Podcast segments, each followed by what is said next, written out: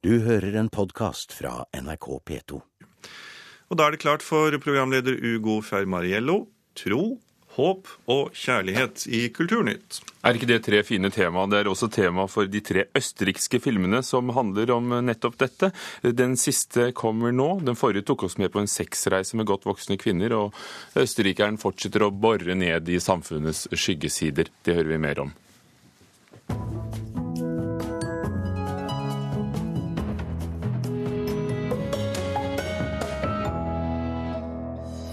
Men vi skal også ta for oss at det er kulturhusene som er årsaken til kommunenes rekordgjeld, som vi har hørt om i nyhetene denne morgenen. Det mener i hvert fall en økonomiprofessor.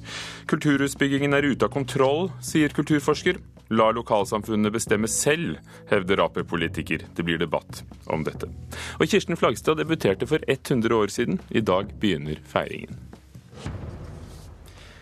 På ti år har norske kommuner brukt 15 milliarder kroner på kulturhus. Samtidig har kommunenes gjeld aldri vært så stor som nå. Og en av årsakene er nettopp at de tar opp lån for å bygge kulturhusene. I Stjørdal i Nord-Trøndelag begynner byggingen denne uken, og prisen er på 700 millioner kroner.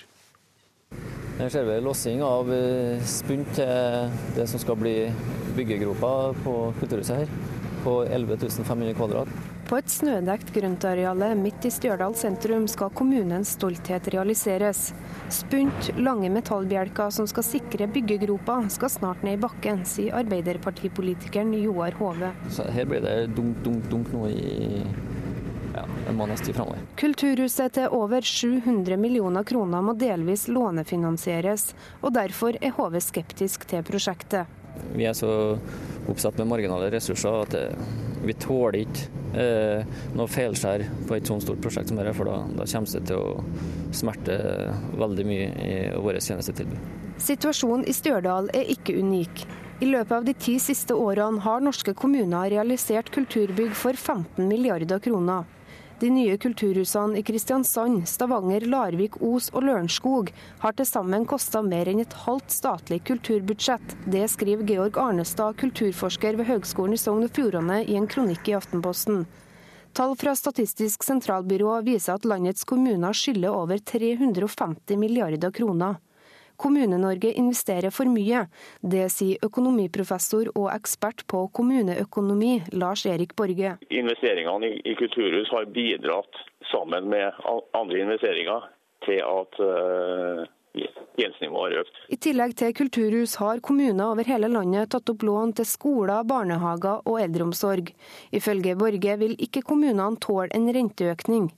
I snitt vokser inntektene mindre enn gjelda, og den utviklinga er ikke levedyktig, sier Borge. Den utviklinga vi har sett de siste seks-sju årene, den kan ikke fortsette i seks-sju år til. Og det er nettopp en mulig renteøkning HV mener vil få konsekvenser. Nei, Det vil jo bety enda lavere lærertetthet, innskrenking i barnehager mindre pleiefaktor osv. Stjørdal Senterpartiordfører Johan Arnt Elverum mener kommunen takler den økonomiske utfordringa. Vel 400 millioner som er lån. Kommunen har et tomt sjøl som er verdsatt til 90 millioner. Vi har en egenkapital på ca. 100 millioner. Jeg vil ha sagt at vi ikke råd til neste år å bygge det her. I Stjørdal nærmer det seg byggestart, og både i Hamar og Bodø planlegges det store multikulturelle anlegg til nesten 3 milliarder kroner. HV er spent på framtida.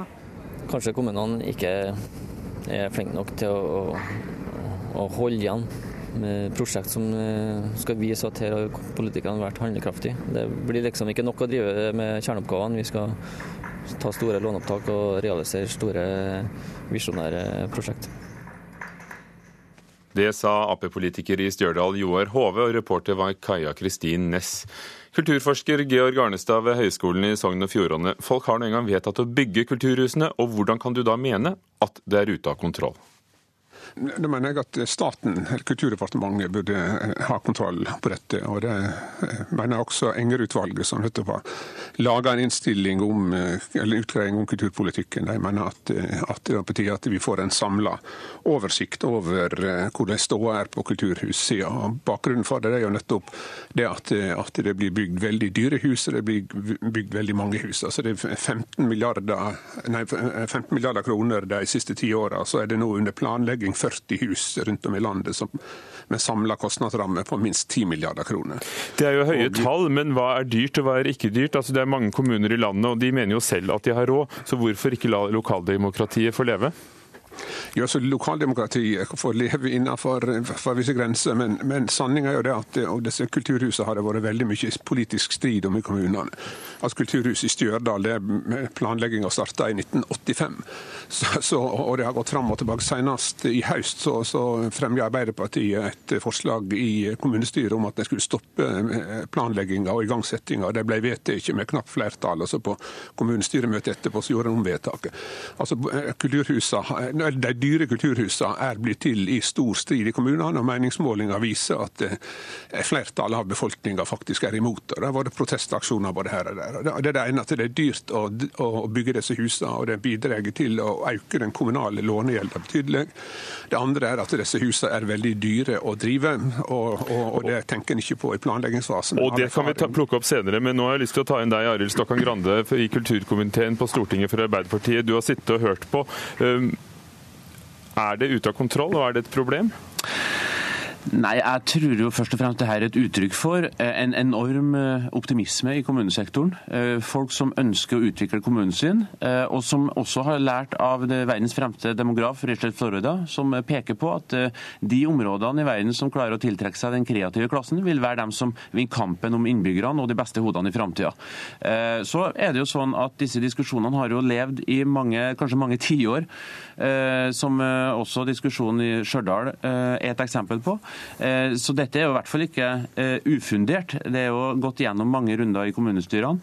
Eh, og det er helt uaktuelt at vi skal gå inn og overstyre dette. Dette må lokaldemokratiet få bestemme. Sier ikke at staten skal inn og, og, overstyre dette, men vi har behov for å gjøre på en status. altså Hvor, hvor mange kulturhus har vi, hva de koster, hvor mange er under bygging, hva vil de koste? Hva konsekvenser får dette for kommunene? Men når du sier altså, dette... Altså, altså, la, la, la, la, meg si, la, meg si, en ting til til, til Stockholm Grande. Det gjelder den her, eh, Han refererer til Florida. Det er nettopp det som er poenget med veldig mange av kulturhusene, disse store kulturhusene som blir bygd.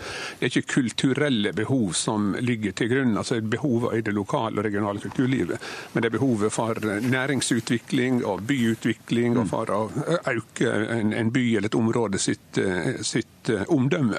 Og Dermed viser en til Florida. og Florida han har laga sine undersøkelser i amerikanske storbyer med 3-4-5 millioner innbyggere. Så anvender en denne teorien hans på, vesle, på små norske kommuner og byer. Det er helt ute av proporsjoner. Arild Stokkang Grande, det er en forskjell mellom California og Stjørdal? Det er helt klart, men vi ser jo at eh, kommuner som ikke satser på kultur, kommuner som ikke har eh, en holdning til hvordan man skal ta imot nye innbyggere, også taper konkurransen. Jeg har selv vært og besøkt Statoil på Stjørdal. De sier at eh, de har ingen problemer med å rekruttere kompetanse fra hele verden, men de har store problemer med å holde på kompetansen fordi de flytter etter veldig kort tid, fordi det ikke er noe å ta seg til utenfor jobben. Men Mener du at det er belegg for å si, vitenskapelig og statistisk sett, at kulturhus er er med å hindre fraflytting? Det er jo ulike meninger om det, alt etter hvilket ståsted man har, selvfølgelig. Men eh, de kommunene som ikke har en holdning til det her, eh, er helt overbevist om vil tape kampen. Eh, og vi ser at eh, folk som er mobile, som uh, vurderer i dag om de skal jobbe i Oslo, i Stjørdal, i Namsos eller i Tokyo, de ser én ting på jobben, men de ser like mye på hva kan jeg få ut av den plassen jeg bor i, i forhold til kulturliv, i forhold til muligheten for å få brukt hele meg. Sånn at dette er en viktig del av strategien. Men det er to store spøkelser for kommunesektoren når de skal planlegge dette. Det ene er jo muligheten for renteoppgang, eh, som vil være dramatisk for de kommunene som nå har pådratt seg stor gjeld. Eh, og Derfor er det viktig at vi på Stortinget sørger for en økonomisk politikk som hindrer renteoppgang. Det andre er jo hvis du får en regjering som vil redusere overføringen til kommunene, så du kan få en dobbel effekt for de kommunene som nå pådrar seg stor gjeld. og Det er det viktig at de er oppmerksom på lokalt. Hindrer kulturhus fraflytting? Nei, det kan ikke vi, kan ikke vi si på langt og tidlig, Men, men, men, eh, og det er ikke gjort noen undersøkelser spesielt om kulturhus, og det er vanskelig å gjennomføre. Men, det, men mener det du at det er for mange når du sier at vi burde ha oversikt? Ligger det i det at du synes, mener at det er for mange? Jeg mener ikke at det er for mange, men jeg mener at det er altfor dyre. Det går an å bygge et kulturhus til 500 millioner i stedet for en milliard. Det går an å bygge et kulturhus til 200 millioner i stedet for 500 millioner osv.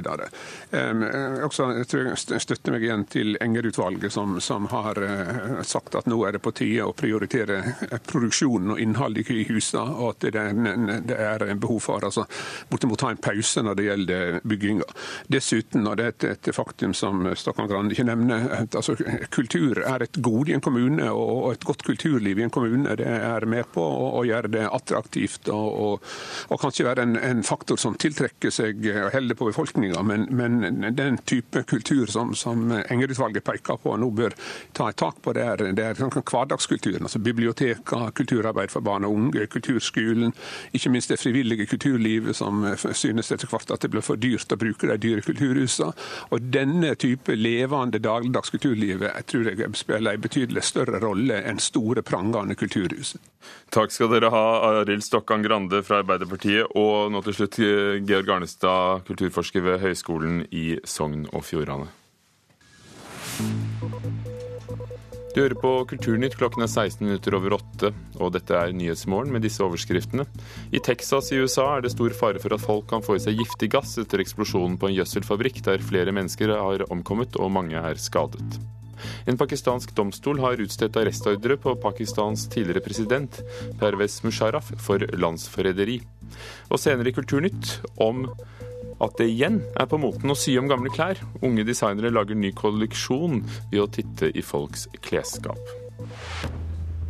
Mens uh, unge popstjerner trekker ja, litt over 20 000 på en kveld, så kunne Kirsten Flagstad få over 200 000 tilhørere på én konsert. Det skjedde i Chicago i 1940.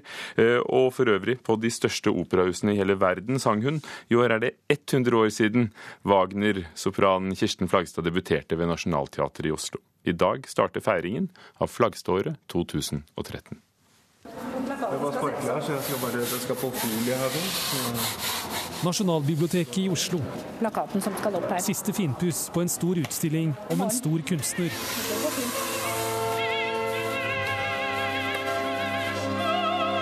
Kirsten Flagstad, århundrets stemme, hadde sine største triumfer som Wagner-sangerinne, bl.a. Metropolitan i New York. I år er det 100 år siden hun debuterte, 18 år gammel, på Nationaltheatret. Hun er født i det huset der, oppe i annen etasje, mot uh, Kirkebakken. Der sto senga hennes Maja, så der ble hun født. Det var her Kirsten Flagstad ble født, i Hamar, i 1895.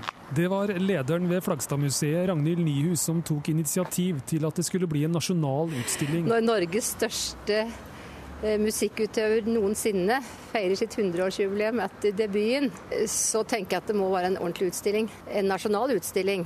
Der har vi noten hvor den åpningsreplikken da bin ich. Fagansvarlig Inger Johanne Kristiansen ved Nasjonalbiblioteket sier vandreutstillinga om Kirsten Flagstad legger vekt på starten av Hamarjentas eventyrlige sangkarriere. De tidligste årene i hennes karriere, som er lite kjent i dag, fra operakomikk, Majolteatret og Casino, hvor hun sang et utall roller både i operaer, operetter og også revyer. Altså, Kirsten Flagstad er en slags enorm suksesshistorie fra, fra, første øyeblikk. Sier historiker og Flagstad-forsker Trond Olav Svendsen, nå aktuell med boka 'Flagstad et kunstnerliv'. I boka skriver han om at det var i Norge Flagstad ble god. Altså det, det nye vil jeg si er at um, Musikkteatret i Norge hun kommer ut av det som en suksesshistorie lenge før Metropolitan. Og at det var her amerikanerne oppdaget henne. Jeg tror nesten ikke sine egne ører at verdens største Wagner-sopran skulle liksom ha sitt liv i på det norske nasjonalteatret. Så du kan si hun ble ikke plutselig god i 35 Metropolitan, hun ble god i Norge.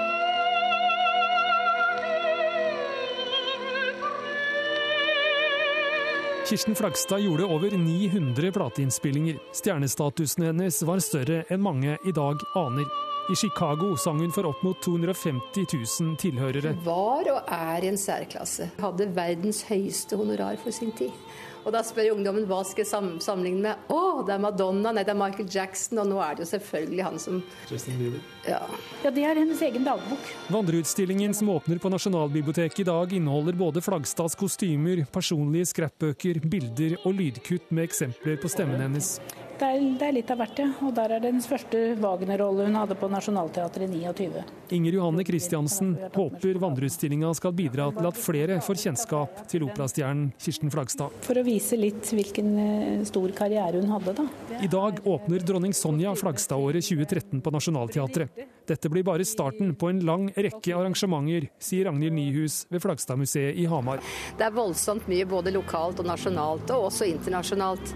Og det er et par og 70 forskjellige arrangementer rundt omkring. Og når det smeller nå i dag, da, så er det utrolig at vi har kommet dit vi har, at vi har fått til så mye. Og Vandreutstillingen om Kirsten Flagstad vil stå på Nasjonalbiblioteket i Oslo til 16. mai, og så skal den senere til Kristiansand, Hamar og på Den Norske Opera, reporter Stein S. Eide.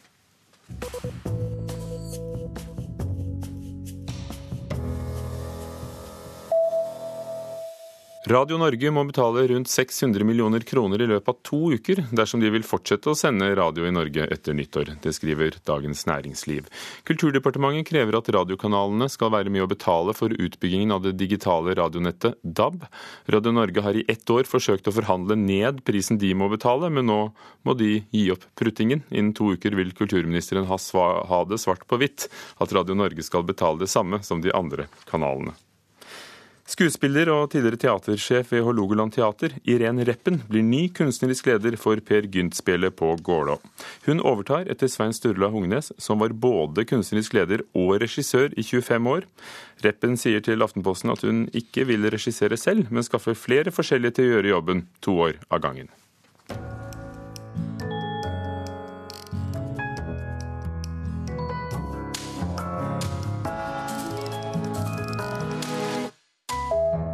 Østerrikske Ulrich Seidel avslutter trilogien sin om tro, håp og kjærlighet eh, på kino. Denne siste filmen kommer eh, i morgen. Seidel beskriver sider ved livet som vi gjerne overser, og får brikkene til å falle på plass for vår anmelder Einar Gullvåg Staalesen, som har sett 'Paradis håp'.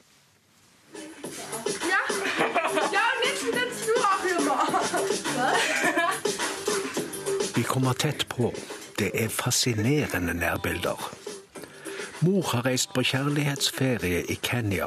Det så vi alt om i Paradis kjærlighet. Det er tante som kjører Melanie til kurstedet.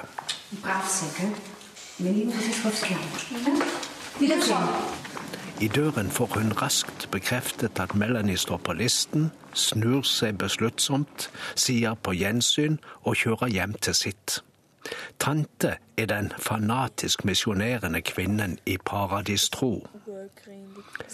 Ferieleiren for tjukke tenåringer kan begynne. Ja, bitte. Ja, ich kann es mir normal, normalen Sex halt vorstellen, aber so. Was so. verstehst du unter normal? Ja, naja, du hadde bæsj. De er fire jenter på rommet. Melanie er 13 og jomfru, men svært interessert i å bli kjent med de eldres erfaringer.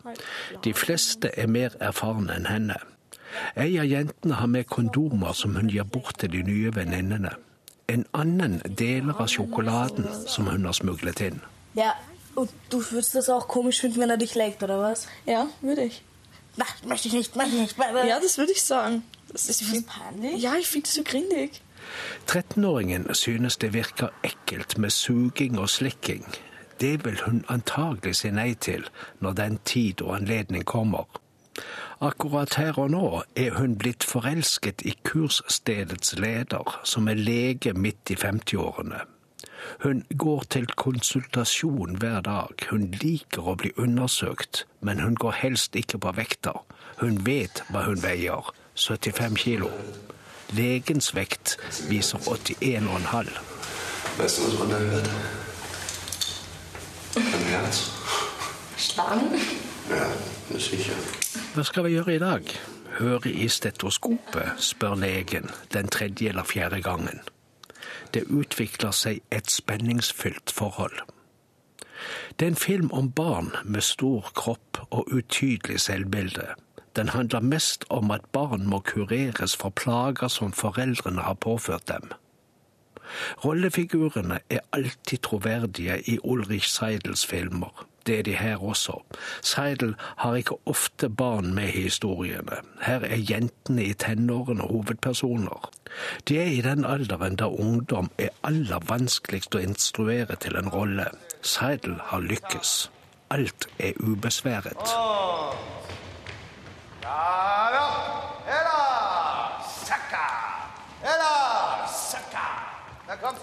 Ulrich Seidel bruker aldri et ansikt som vi kjenner fra en annen film. Han bruker både amatører og profesjonelle skuespillere i samspill, men vi skal ikke kunne se hvem som er proff, og hvem som ikke er det. Det ser vi heller ikke her.